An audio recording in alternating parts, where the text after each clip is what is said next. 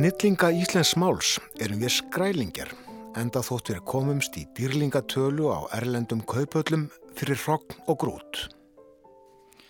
Svo mælti Haldur Lagsnes í sínu fyrsta útvarpserendi árið 1926. Þann 4. apríl 1944 skrifar hann hins vega bref til innheimtu stopnuna ríkisútvarpsins í tilhemni þess að reynt hafi verið að innheimta hjá hann um afnótagjald. Þar segist hann hafa keift tvö útvarstæki hjá engasölu ríkisins. Hið fyrra Reyndi strax frá byrjun ónótæft sakið trublana og má heita tilgangslaust að opna það nema sér til skapraunar flesta daga.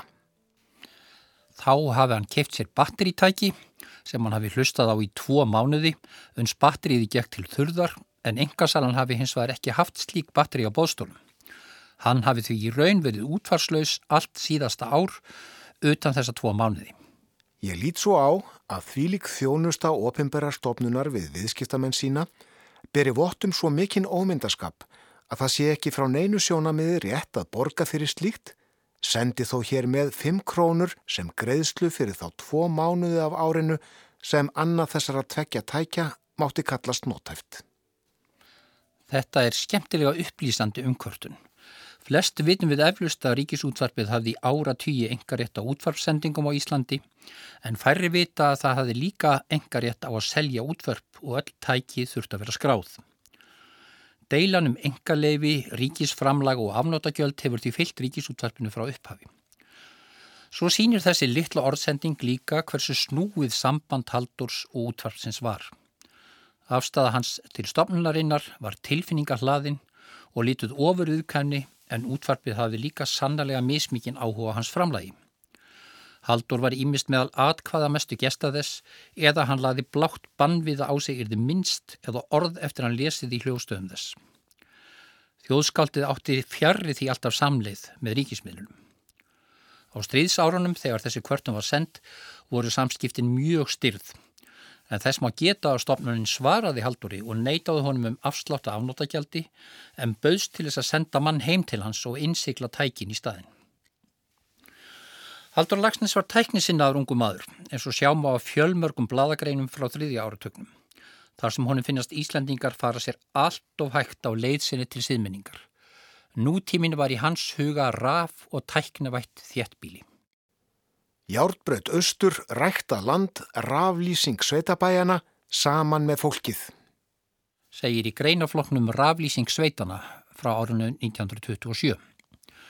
Ári áður hafði Otto B. Arnar símfræðingur emt til útvarsrekstrar í Reykjavík í fyrsta sinn og í júli 1926 flutti Haldur erindi hjá honum um kjörri töfnvot á Íslandi. Hann taldi meðferð Íslandinga á sínum helstu höfundum allt fram til Þórbergs og Stefáns frá Kvítadal til háboruna skammar og myndi á hver markaðinu væri lítill fyrir þá höfunda sem kýrsa að skrifa á íslensku. En það var auðvitað forsenda allra menningar hér. Ef við viljum ekki nota aðstöðu voru hér til þess að skapa menningu, þá er ekki til neins fyrir okkur að vera hér, því að við höfum hér enga köllun nema menningarlega. Það er miklu betra að lifa eins og skeppnir í Mexiko heldur en hér, ef við höfum ekki annað á stefnusgráni en lifa eins og skeppnur. Haldur tók því sem satt fagnandi að geta talað í þetta glæni að útvarp um sín hjartans mál. En þessi tilraun til útvarsregstar stóð bara í rúmt ár og dagskrárgerð var heldur frumstæð. Veðurfréttir, ímis erendu og guðstjónustur voru uppstæðinar. Það síðast nefnd að kallast skemmtilega á við fyrstu greinina sem Haldur byrt um útvarp. Skömmu fyrir jól 1924.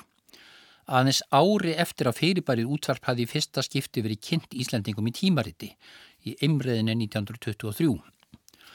Þar telur Haldur einu lausnina á fjárhásmanda kirkjunar vera víðbóð en það var líklega fyrsta þýðingin og orðinu broadcasting á íslensku og ættuð frá einari Benediktssinni.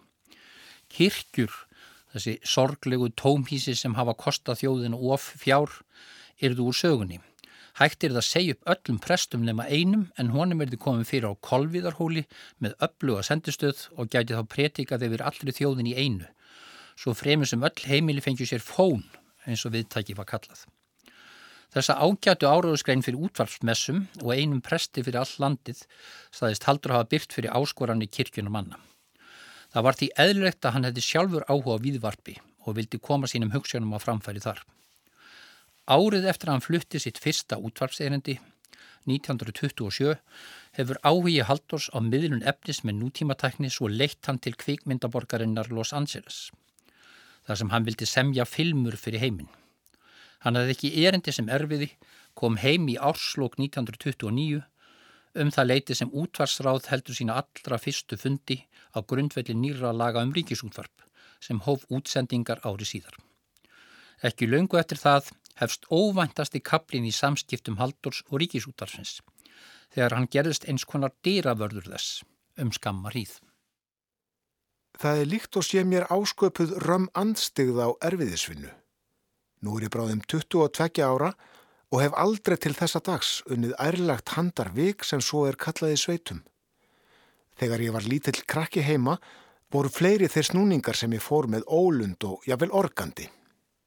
Skrifaði Haldur í sjálfsæfisögulu handriti sem nefnist Heimann ég fór og var samið 1924 hann gefið út á bóklöngu síðar. Hálfriöld senna lísti hann æsku sinn í sveitinni eða öllu heldur viðhorfi nágrannana svo í minningabók. Strákurinn í Lagsnesi situr tíu klukkutíma á dag og párar út stílabækur. Honum verður ekki haldið frá þessu.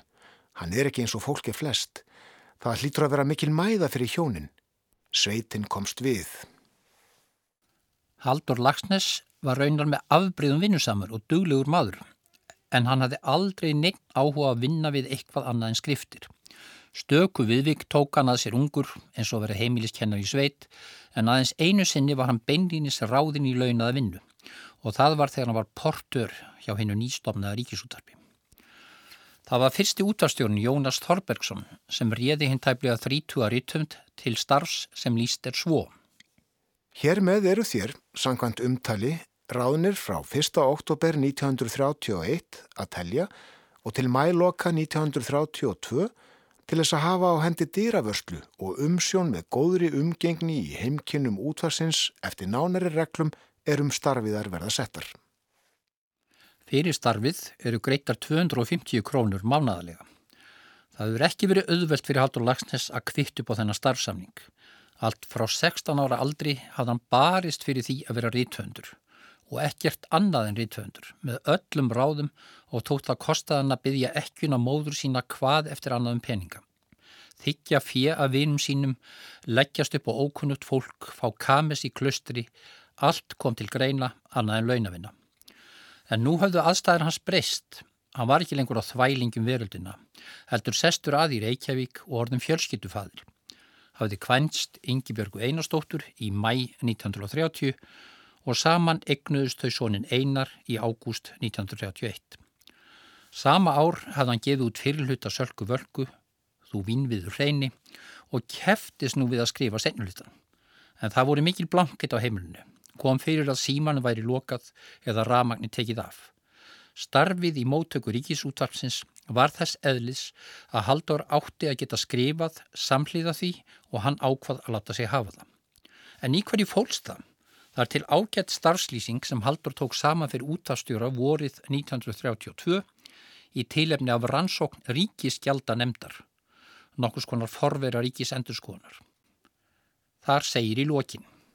Megin áhersla er lögða það í starfsbrífu mínu að starfsmenn, gestir og viðskiptamenn útarsins mæti í kvívetna ástúð, kurtesi og lipurmannlegri fyrirgreyslu og ber mér í senna að gæta þess að útsending fari nákvæmlega fram sangant fyrirskipaðri stundaskrá og settum reglum án þess þó að í nokkru sé genginari tilfinningum skemmtenda eða fræðimanna sem í þáu útvarsins starfa og yðurlega semja útarsefni sitt án tillits til hérna þraungu takmarkana tímans sem þeim er út hlutaður.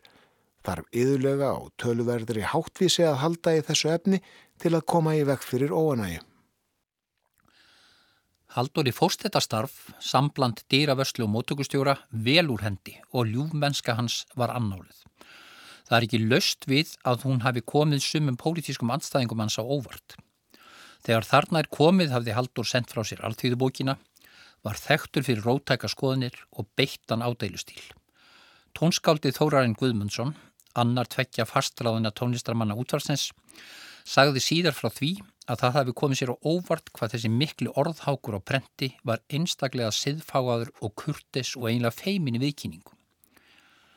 En þótt Halldór stæði sér vel í starfi hæfði honum það engan veginn og hann hætti um leið og fyrsta ráðningatímabil hans rann út. Kastaði sér út í djúbu bókmentalögin á ný og réði sig aldrei aftur í launavinn. Þar með sað hann ekki skilið við ríkisútvarpið síðan og svo. Jónas Þorbergsson var hann greinlega vinnveittur og á fyrstu árunum las Haldur nokkru sinnum í útvarpinu, líklega úr sörku völku. Og nú er krían farin. Flæðarmálið dapurt eins og innslega hreyfingar hennar hefði ekki átt sér stað. Hefði aldrei átt sér stað. Æðurinn er líka á bak og burt. Þessi and heiti Dunmjúki fuggl sem býr sér verð mikil hreyður. Ú, ú, ú, voða, voða. Hann er horfinn. Eftir eru aðeins nokkrir vangbreiðir nöturlegin mávar á sveimi, þuglar vetrarins, þeir hinn sömu sem verktu eggjum sín á naktar klettasillunar í vor. En fljótlega kom til ágreinings eins og við mátti búast. Það var mikil viðkvæm út af flestu sem sagt var í þessu eina útvarpi Íslandinga og margir sem legðu eirun við, klögubrifum ringdi yfir útvarsráð af mismerkilegum tilefnum. Á páskaföstu 1932 flutti Haldur erindum Hallgrim Pétursson í útvarpið sem hann byrti síðar á prenti undir heitinu Ingangur á Passíusálmum og maður telja eina af hans merkilegustu bókmentaríkjörðum. Erindi var í nokkrum hlutum og strax eftir fyrsta hlutan barst útastráði bref frá prestum og guðfræðingum þar sem þeir lögðust eindriði gegn því að Haldur fengi að flytja framhaldið í útvarpinu. Það var ekki sæmandi að þeir sem unna kirkju og kristindómi séu særðir með fáranlegum úreltum og alórögstutum fjárstæðum. Aðrir voru þó fljótur að koma haldóri til varnar og samþýttu útvarsráð að taka framhaldserindið. Þó með því fororði að það erði lesið yfir áður svo ekkert í því gæti nú valdið ofanægjum. Þrátt fyrir slíka umræðu vilist þó útvarsráð ekki hafa aðhast neitt í málunu og úttækt Haldors á sálmáskaldinu góða í marxískum anda rataði til hlustenda. Það fymta orð Kristi á krossinum. Í sári neyð sem Jésús leið, saði hann glögt, mig þystir. Svo rittning hrein, í hverri grein, uppfylltist einn, um það mig ræða listir. Einn af þeim sem hafði andmælt flutningnum var Árni Sigursson fríkirkjuprestur og árið 1936 verður útvarspretikun hans þessi valdandi að Haldur fógreðist útvarpinu í fyrsta sinn. Tilefnið var eitt helsta og heitasta umræðefni þjóðarinnar á fjórða áratögnum. Spiritismi og miðistarsmi. Í ársbyrjun 1936 skrifaði Haldur Lagsnes grein í Alþjóðbladið um það sem hann kallaði nokkur menningar fyrirbríði og byrjaði á því að ræða ströyma og skjáltalækningar í skagafyrði. Kveikjan voru málaferli vegna huldulæknis að nafni Fröðrik sem átt að lækna fólk að handan og hafðu bræður tveir í skagafyrði stopnað einhvers konar yfir náttúrulegt lækningar hlutafélag um hann og helt Haldur sum á því til haga í heimsljósi, skáldsögunu stóri sem hann var að semja um þetta leiti. Fyrr en varði var Haldur lendur upp á kant við Sálarrannsóknarfélagið sem á þessum tíma átti sér marga formalendur, meðal annars tvo virðulega eldri rítöfunda, þá Einar Há Kvaran og Jakob Jó Smára. Haldurði fannst þetta draugatrúar félag ekki eiga neitt skilt við vísindarlega sálarfræði nútímans, eins og fröytism á atferðlisfræði, heldur byggja mest á sálma öskri og klerka þvokli. Þeim sem aðhyllast slík ólæti undir yfirskinni sálfræðilegra rannsókna er mannlegt vitundalíf einski svert sem rannsóknarefni og vísindagrein. Þeir hafa enga hugmynd um hvað sálfræði er, nýja sálarannsóknir yfirleitt og sennilega engan áhuga á að fá að vita það heldur. Í byrjun februar sama ár flutti sér Árni Sigursson sem líkt og fleiri íslenski prestar var spiritistum vinnveittur prétikun í útvarpinu og tók þar til varna fyrir Sálaranssonafélagið og sagði eitthvað á það leið án þess að nefna skáldið á nafn að málstæður Haldórs hefði byggðið ósigur í bladadeilum þessum. Það fauk í Haldór og hann skrifaði útvarsaði bref þar sem hann segir ríkisútvarpið hafa brotið reglur um ópersonlegan málflutning. Fjórðagrein hlutleysis regna þess. Að því er margir hlustendur hafi sagt sér og bætir endar við. En þar sem ég er sjálfur ekki útvarslustandi get ég ekki borðið um þetta af eigin heyrn. Krafðist Haldur þess að fá afrit af handriti árna. Útvarsað hummaði það fram að sér en það hefði árna ekki nefnt Haldur en hann svaraði aftur og hvað árna hafa beitt dilgju aðferðinni og krafðist þess að fá að verja sinn málstað í trúmála umræðu í ríkisútvarpinu. Hona varð ekki ósksinni og skrifaði þá málið kvassagrein í tímaritið yðunni. Í rauninni átti ég ekki annað erindi í útvarpið en að lýsa yfir því að herra Árni Sigursson hefði í fyrsta lagi brotið drenglindi skildur sínar þegar hann fór að geipa um ósigur minn í drauga viðregninni. Útvarsráði þoknaðist að banna mér aðgangað útvarpinu í þessum tilgangi svo ég verði miður að liggja undir því ámæli að hafa orðið að láta í minni pokan fyrir móra. Hliðstæðar deilur átti eftir að endur taka sig að minnstakosti tvísvar. Haldur var mjög viðkvami fyrir því sem um hann var sagt í útvarpinu. Jáfnvel þótt hann hlustaði ekki á það og hefði hann fréttir af neikvæðri umfjöllun skrifaðan útvarsráði eða útvarpstjóra harðorð bref. Næst gafst honum tilhörnum til þess í desember 1940 en þá hafði Jón Eithórsson getið Haldurs í þættinum um daginn og veginn sem hann hafði annast í nokkur ár. Í þessum þætti fjallaði Jón um skáldsona Sólón Íslandus eftir Davíð Stefansson og vek þá að heimsljósi í leiðinni. Og þannig fer mörgum er þeir lesa bækur Kiljan sjálfs Þeim finnst hann oft vera að ljúa að sér, bæði umhverfi og personum. Jafnvel þótt þeir inni á milli finni margt smáskemtilegt sem hitti naglan á höfuðið. Haldur reyðist mjög, krefst þess að fá að lesa handrið þáttarins og skrifar síðan útvarsráði. Veðurfræðingnum er mikið í mun að skýra almenningi frá því sem einhvers konar nýri uppgötun sinni að ég sé ekki raunsægiskáld og hefur þetta þó árum saman verið skoðun ymsra þekktustu gagrinenda, útlendra sem innlendra. Hitt kemur flatt upp á mig að veðufræðingur ríkisútarfsins skuli þurfa að greina frá þeirri staðrendi þess konar tóni sem hér væri um að ræða einhvers konar ósvinnu. Vegna þessa dóms um skáldið höfuð personu síðustu bóka sinna, þegar haldur þessa leit að meg að flytja útvarpinu þau tíu smákvæði úr þessum bókum sem lögður í munn Ólafs Kárásson á Ljósvíkings sem bókmentarinn í ríkisútvarpsins hafi gert að fyrirlitlugu leitskáldi. Nú var vandin sá að Jón Eithórsson var ekki bara viðfræðingur, heldur einnig formaður útvarpsrás. Hann svarar haldur í nokkrum dögum síðar svo hann haldi ekki að brefinu hafi verið stungi undir stól því nokkuð geti dreyist að haldi því næstu fundur áðsins en þetta er skrifa á þorlagsmessu. Hann telur ráðið að sjálfsögmunni fjallum tilbúð haldur sem ljóðalestur en skora sjálfur að skáldið að byrta bref sitt omberlega. Ellegar geti hann líka lesið úr því eins og hverju öðru hlustendabrifi. Þér fáið á með því móti tækifæri til að rjúfa hérna áberandi þögn sem ríkt hefur um síðustu bækur í þar. Áberandi þögn. Þar fór Jón alveg með það. Haldur svarað um hæl á annan í jólum og nefnir þar meðal annars þau stórvirki sem hann hafi skrifað síðasta áritugin og segir að um þessa bækur sem útvarpið finni hjá sér sérstaka kvöt til að segja að áberandi þögn ríki um hafi verið skrifaðar bókmentakrónikur og heilsíðu greinar í ími stærstu blöð Noregs, Danmerkur, Svíþjóðar, Englands, Bandaríkjana, Sovjetlíðvildana, Þískalands, Fraklands, Hollands, Belgíu og Sviss skætingur og ókvæðis orð veðufræðingsins sem aldrei hefur svo neinum Íslandingi sé kunnugt látið sína neinu getið í sambandi við skaldskap verða haldóri hins var tilefni til þess að ljúka brefinu með aftráttarlausum hætti. En veðurfræðingi þessum banna ég með öllu að lesa upp bref mín eða nokkuð annað af rítuðu eða prentuðu máli frá minni hendi í útvarpinu og byggðist að öðru leiti mjög ákveðið undan öllum afskiptum hans af mér og mínu starfi. Nú var það sem á þýsku er þið kalla fungstille eða útsendingarof millir Haldurs og Ríkisútvarpsins um skeið. Jón vekað vísu að brefum Haldurs í næsta þætti sínum og taldi að veðufræðingar mættu nú tjási um skaldskap, rétt eins og skaldum landbúnaðamál, en Haldur mildaðist ekki.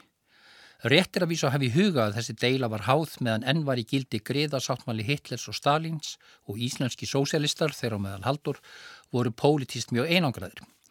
En jafnvel eftir að svo einangrun var rofin held Haldur áfram að hæðasta útvarpinu og ýmsum ósegum þar í fyndnum smágrinum. Eins og fyrsta fjallaðum ræskingar í útvarpinu. Meðal útvarpstöða jarðarinnar hefur Íslenska ríkisútvarpið sérstöðu í tegnun þessa kroppsljóðs Í erlendum útvarpum byggja menn afsökunar ef slíkt kemur fyrir. Hitt er alltaf því óþægt að aðtönu þölir ræski sig og ættir ríkisútarpið voru að vera vorkuna löst að sjá um að þeir þölir þess sem þjást af hálskvillum eða uppgangi leiti sér lækninga. Haldur klappaði aftur þennan stein ári síðar í grein í tímariti máls og menningar. En úr því við erum alveg sérstaklega stoltir af útvarpi vegna þessa fína kroppsljóðs Hvað ætti þá að vera því til fyrirstöða breytum nafn á þessari sérkjænlugu menningarstofnun og nefna hana til dæmis hosta og ræskingastasjón Íslenska ríkisins á ennsku The Icelandic Cough and Throat Clearing Station. Aðal erindi þeirra greinar var þó að ræða útvarsáð og hlutverk þess í dagskargerð. Nemnd svo Virðist miskilja hlutverk sitt á þann hátt að halda að hún sé einhvers konar fastráðin skemmtiflokkur við útvarpið Ellegar nefndarmenn ímynda sér að ríkisútvarpið sé fjölskyldu útvarp þeirra. Ef fulltrúar í útvarsraði eru stöðut að koma sér að með þessum hætti í dagskráni, hlýta vera lámarskrafa að annar aðili dæmdu um efni þeirra. Í stað þess að þeim haldist uppi að neyta aðstöðu sinnar til að tróða sér fram fyrir aðra í dagskráni, hvena sem er, syngt og heilagt, stundum dag eftir dag, stundum oft á dag og fá sér allt til erindis þótt þeim sé ekkert á höndum, endalust skvaldur um dægin og vegin, séð og hyrt, útvarsagan, nokkus konar neðanmálsögulestur eða þá óákveðið efni fyrir utan óþrótlega fyrirlestra sem verðast skrifaðir upp úr alfræði orðabókum og þess áttar. Það þurfti ekki að velkjast í vafa um hvert þessu skeiti var beint. Hitt verður að segjast að Haldur var bísna vel aðsynum útastafskana af manni sem aldrei hlustað útvarpað vera. Hámarki ná stillekan er í samskiptum Haldurs og ríkisútvarfins svo líklega þegar hann neytar að borga afnótagjaldi nokkrum árum síðar eins og nefnt var í upphafi. Af því sem að ofan er rækið má ráða af hverju þessi viðkvæmni Haldurs fyrir ummælum í ríkisútvarfinu stafaði. Þegar hann kemur heim í áslokk 1929 hefur hann full mótað þá fyrirætlun sína að gerast höfundur á íslensku og segja bæði íslenskum og erlendum lesendum dæmisögur um lífsbarótt þjóðurinnar. Sögu af stúrkun í fiskiþorpinu, bondanum á heiðinni, skaldinu sem leitaði fegurðarinnar. Hvað var eðlulegra en að skald mannlífsins og fjölmiðil þjóðurinnar ættu samleið á þessari vökkferð? Haldur hefur vonast eftir því en það var hann frá upphafi meðvitaður um áhrifamátt útvarpsins. Samstarfið byrjaði líka vel, ekki bara vegna embættis Haldors, heldur var hann tíður gestur í hljóðstofu og las upp úr verkum sínum. Það sjálfsögðu eiga stjórnmálinn sinn þátt í að samband skálds og ríkistofnunar trosnar. Pólitísku viðkvæmni varðaði miklu fleiri en róttaka höfunda. Það voru harðar deilur millir stjórnmálaflokka um fréttastofu, fréttaflutning, ráðningu fréttamanna, alveg frá upphafi en Haldur var þó miklu viðkvamari fyrir höfundarheðri sínum og umfjöllunum skálskapsinn en flokkspolítískum deilum. Þegar á hann er hallað sem höfund fíkur í hann og hann grýpur umsvegarlaust til varna og að það gerist í fjölmiðli þjóðrænar er næstum ófyrirgefanlegt. Þegar líður á stríðið taka æfleiri Íslandingar Haldur í sátt sem höfund og má öðru fremur þakka það Íslandsklökunni. Ísland var hersetti land en niðurveldi stopnum framöndan og hvað gatt styrkt landsmenn betur í trúni á sjálfstæði og möguleika til að lifa af erfiða tíma en þetta mikla epos um ólíðin kvotbonda á tímum sögulegra niðurlægingar. En líður samt allmörg ár þar til líkisútvarpið bað haldur að lesa útvarsögum. Raunar var ekki mjög algengt að sögur íslenska höfunda veru lesnar sem útvarsögur framanaf. Svo fyrsta var Ströndin blá eftir Kristmann Guðmusson en árið 1940 las hann eigin þýðingu hennar sem mann samti uppalega á norsku. Seks árum síðar las Haldur Lagsnes í fyrsta skipti stutt á útvarsögu en það var þýðing hann sjálfs á bókunna Skunnarssonar, Blindrahúsið, sem kom uppalega út á dönsku 1933. Þýðing Haldurs var prentuð tveimur árum eftir upplösturinn 1948 undir heitinu frá Blindhúsum. Upp úr 1950 verður algengra íslenski rítöfundar lesi eigin verk sem útvarsögur. Það er samt ekki fyrir 1954 sem skaldsa eftir Haldur Lagsnes í upplestri hans sjálfs er flutt sem framhaldsaga í ríkjusúttarpunum og það var Salka Valka. Sögulókin eru enþá varvett og eru meðal þess efnis sem Rúf gerir almenningin og aðgengilegt í tílefni af 90 ára ámæli sín. Ári eftir að Haldur leys Sölku hlýtur á Nóbersverðunni í bókmyndum og frá þeim tíma er stuttur lestur úr heimsljós og gerplu sem Haldur flutti á fundi Norrannafélagsins. Ríkisútvarpið býður hana svo að lesa sögu að eigin vali í teilunmi velunana og árið 1956 lesa hann gerplu fyrir hlustendur. Augrandi verk á sínum tíma og um leið nýjasta skaldsagan sem Haldur hafði sendt frá sér. Það er elsti varðveitti upplestur Haldurs á hilli skaldsugu sem hlustendur geta nú notið. Konungur spyr, hver er þú? Maðurinn svarar, Eg en hið íslenska skáld. Velkomin skáld, segir konungur, eða heyrða ég rétt áður að þú hefðir ostum mig hvæði?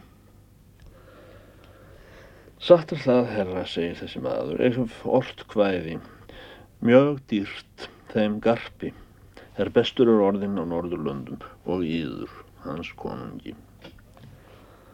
Þetta hvæði keipta eg við sæluminni og sól og dætrum mínum, tungli og stjörnu. Og við fríðileg sjálfs mín og hilsu, hendi og fæti, hári og tönn.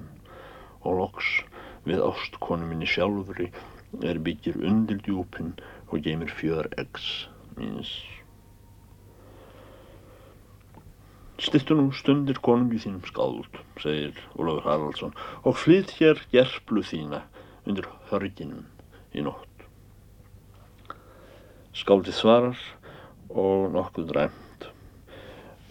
Nú kem ég eigi lengur fyrir mig því hvaðiði, segir hann og stendur upp seinlega og haldrar á brott við lurksinn og er horfinn bak hörginum. Þá var tungl gengið undir og felur nóttinn dal og hól að stiklastöðum og svo hinn síðfróa hegg. En var þá allt í lukkunar velstandi eftir Nobelin? Og nei, það stóð nú ekki lengi. Þann 20. november 1958 var þátturinn spurt og spjallað í útvarpsal á dagskrá ríkisútvarpsins undir stjórn Sigurdal Magnússonar fulltrúa og meðal þáttakanda voru Pétur Benediktsson bankastjóri og Þórun Elva Magnustóttir í töfundur. Auk annars var rætt um svona en sorpritt og létt Petur þá svo um mælt að í bókum sínum þyrti Haldur Lagsnes að leggjast í flórin og velta sér upp úr hann. Þórun Elva tók undir og saði Haldur þó hafa látið þetta eiga sig í síðustu bókum sínum.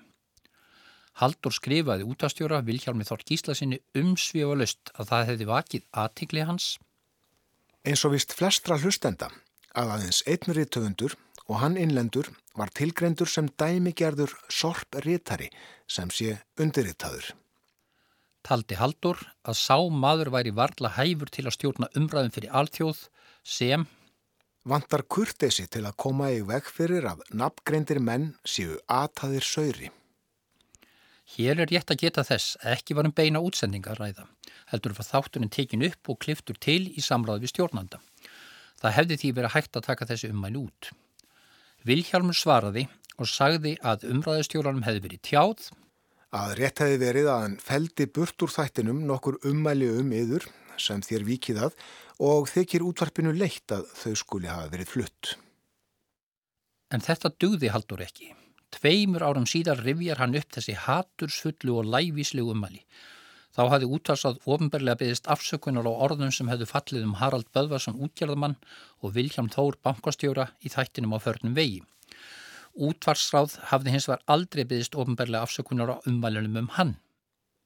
Þessi mismunur á framkomu ríkisútvarpsins í hliðstæðum tilfellum hefur fært mér heim sannin um að mér sé ætluð svo sérstaða sem Íslendingi af hálfu útvarpsstjórnar og útvarpsráðs að hverjum sem er sé heimilt vítalust að rakirða mig eftir vild í útarpstátum.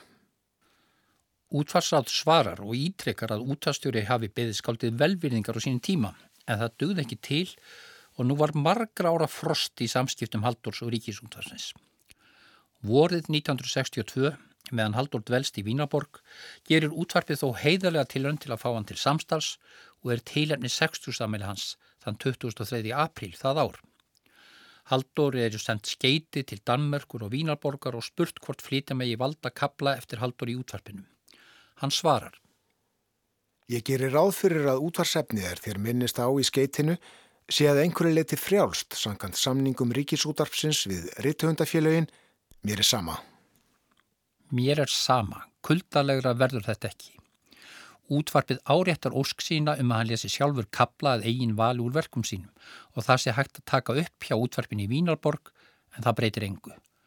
Haldur svarar og nú frá Danmörku að hann hef ekki haft neina texta úr bókum sínum við höndin í Vín Og í öðru lagi hefði ég verið of önnum kafinn til þess að fara að lesa upp úr gömlum textum bókamina fyrir útvarp.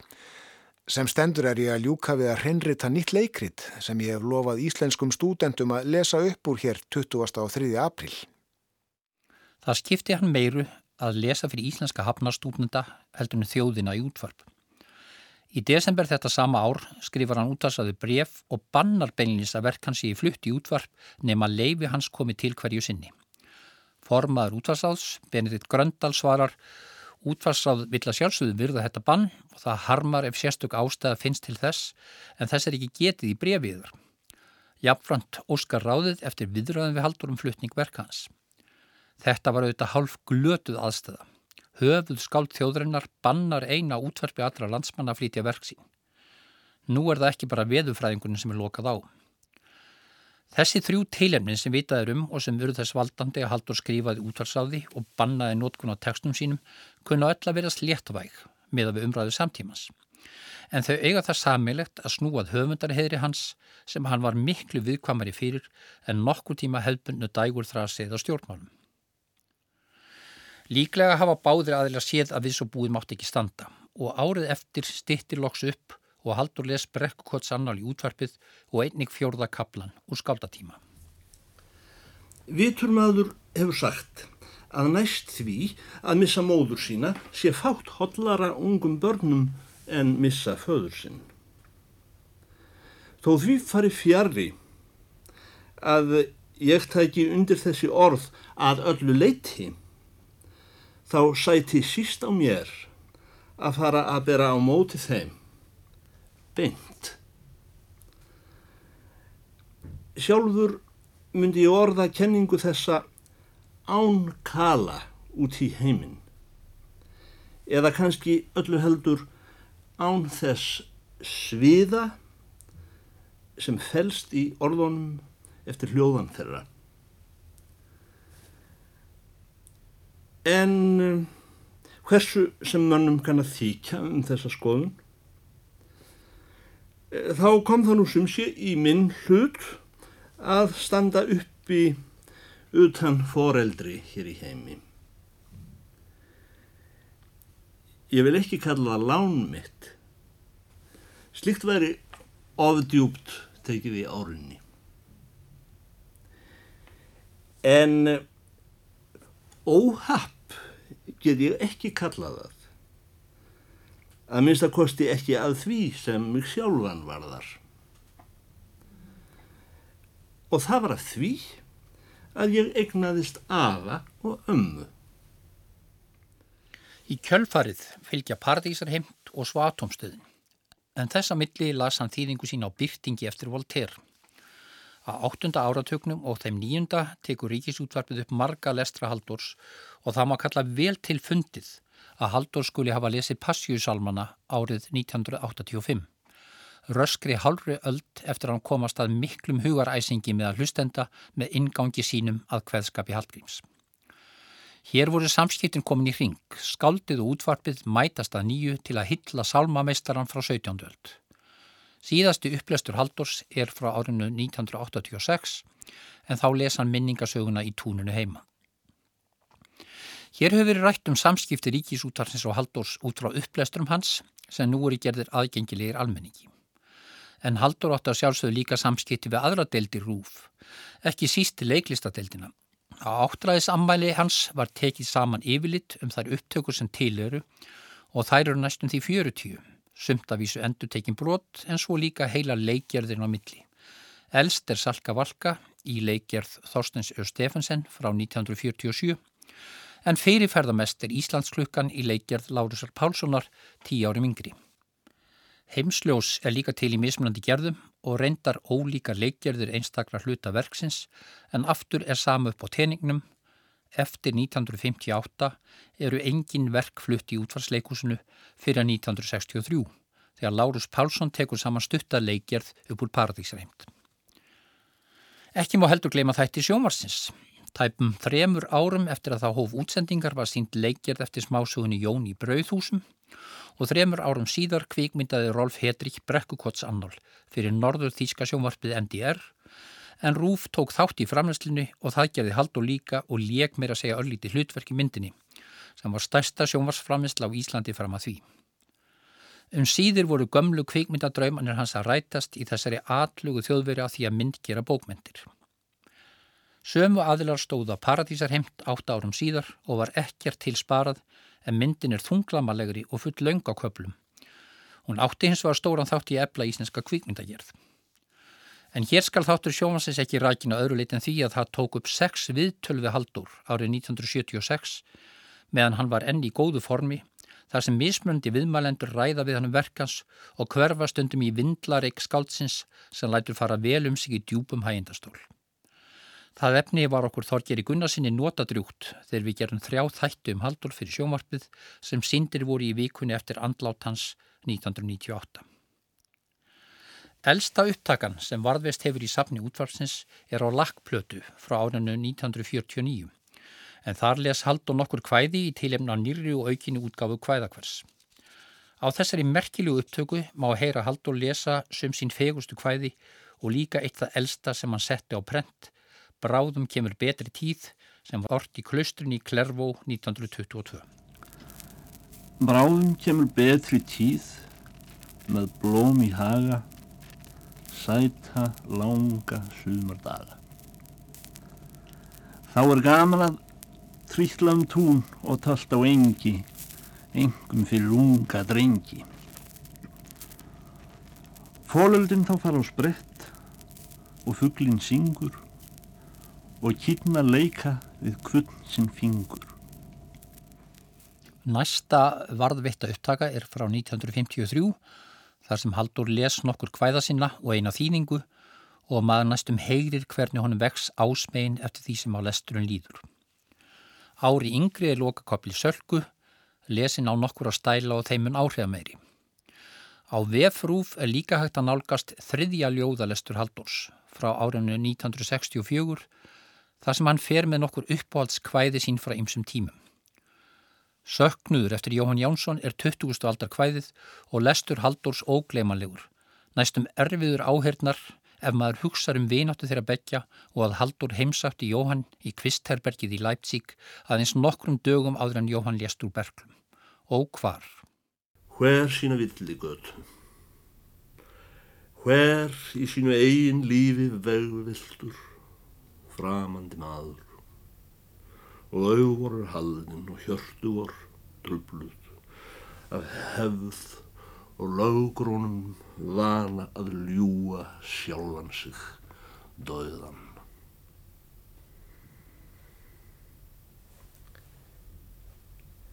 En þeir, þeir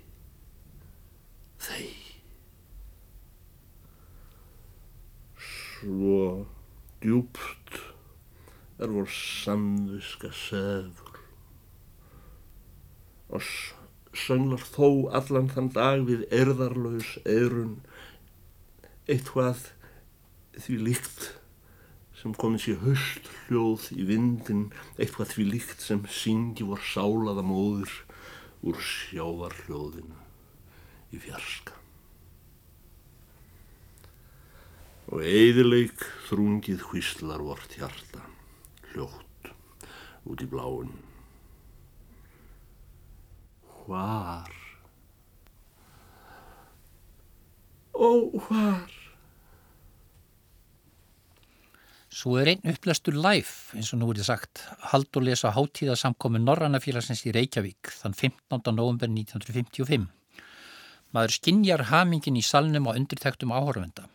Það er nýbúið að tilkynna að Haldur minni fá Nobelsverðlunin en ekki búið að afhenda þau og íslenski lesendur geta fagnað skaldunu rétt eins og þau höfðu gert á Hafnarbakkanum tveim vikum fyrr áður en hann heldur aftur út að taka við æðstu við í kenningu bóknenda heimsins.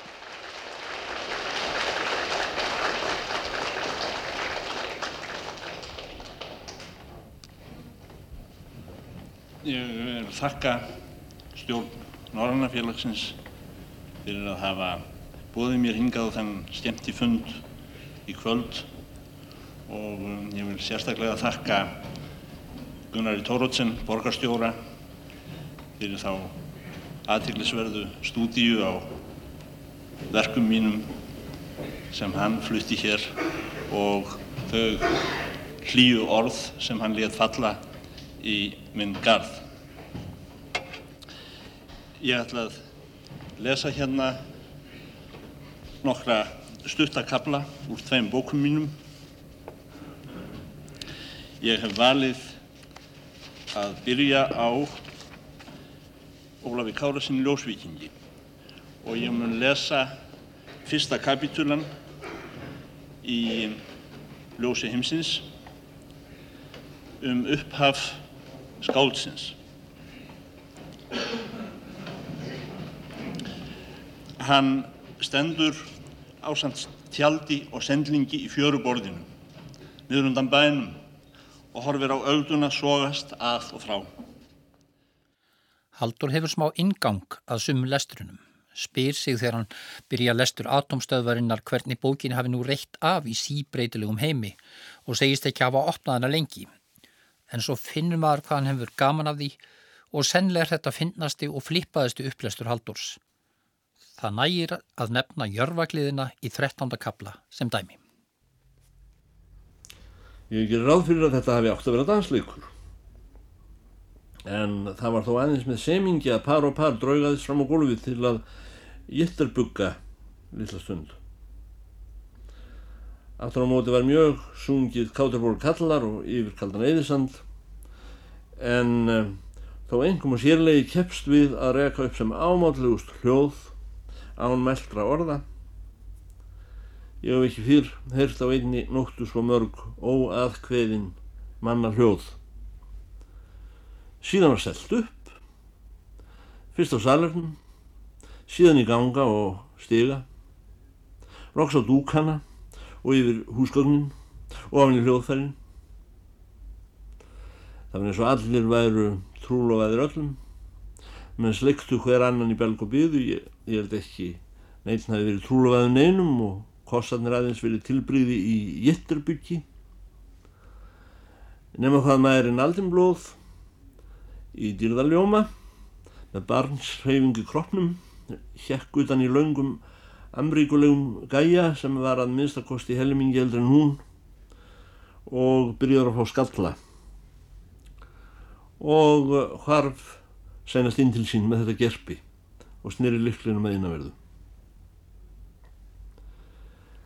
Ég hefði ekki bólmagn og því síður stiðferðist frek til að skipta mér en einu.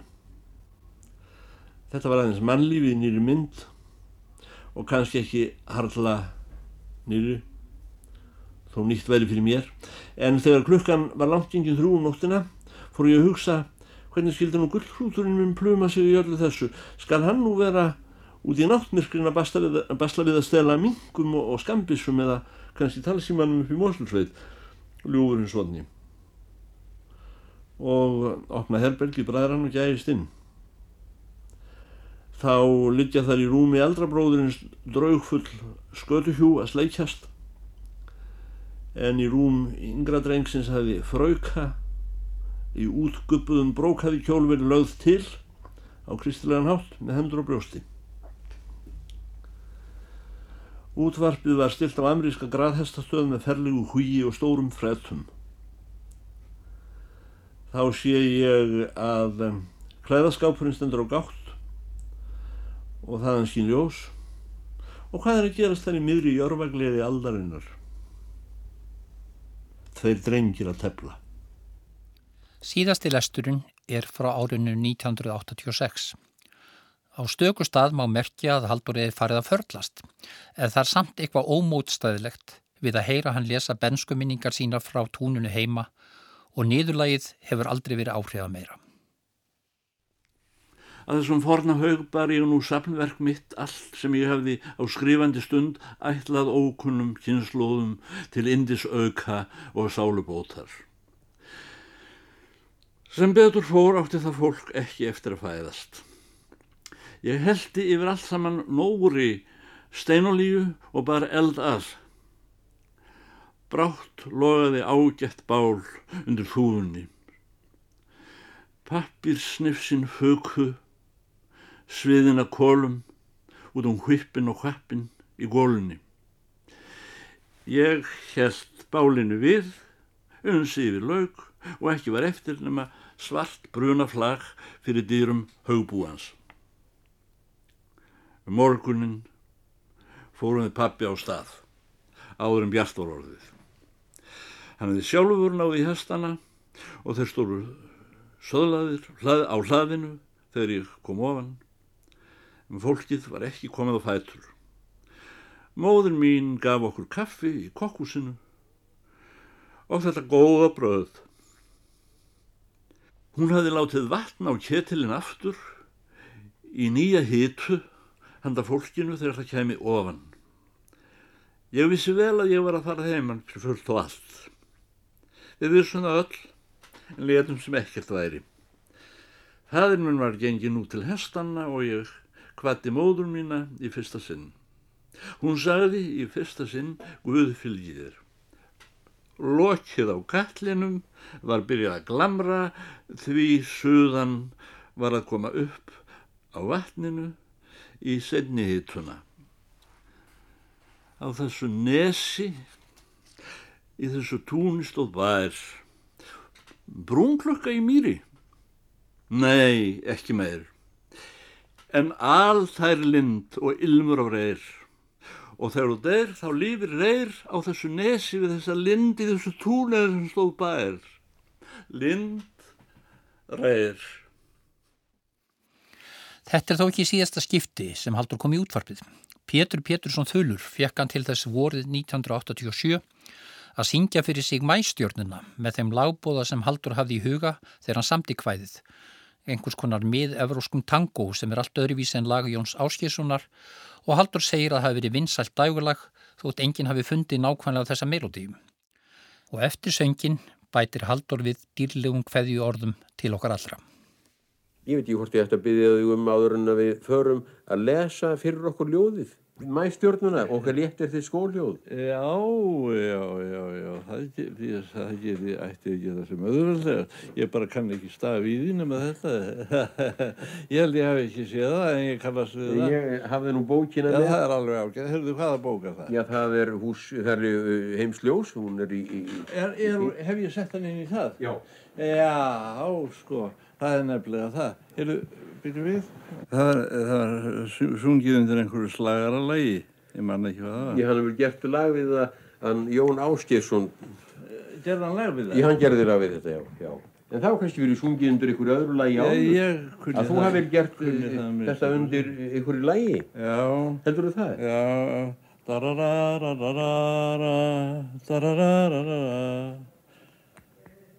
Það er vorfrett á glugga, það bara vindur sem hvín, en ég veit eina stjörnu, eina stjörnu sem skín, og nú loks ertu komin, þú ert komin til mín. Það kannast ekki þetta lag? Já, ég er nú með í huganum lagið sem að sungið hefur verið ég er undir áhrifum þess lagsin sem Jón Áskeirsson gerði Já, þetta, við, við þetta ljóð. Já. Það, en e, það, e, það er alltaf öðruvísi, það er alltaf öðruvísi. Það er svona kannski ber, ber ákveðin keim eða blæ Já, því. En, en það- má ég byrja um að halda þá áfram? Það kann ég, það kann ég ekki. Um, mm, það er erfiðir tímar, það er atvinnu þröf. Ég hef ekkert að bjóða, ekki ögn sem ég gef, en nema von mín og lífið mitt, hvort ég vakið að sef, þetta eitt sem þú gafst mér, það er allt sem ég hef. En í kvöld líkur vetri, sér hvað svinnandi manns, og morgun skín mæ sól. Það er mæsólinn hans, það er mæsólinn okkar, okkar einingar bands, við þér ber ég fána þessa framtíðar lands. Þetta hefur maður nú ekki verið lengi að virkja.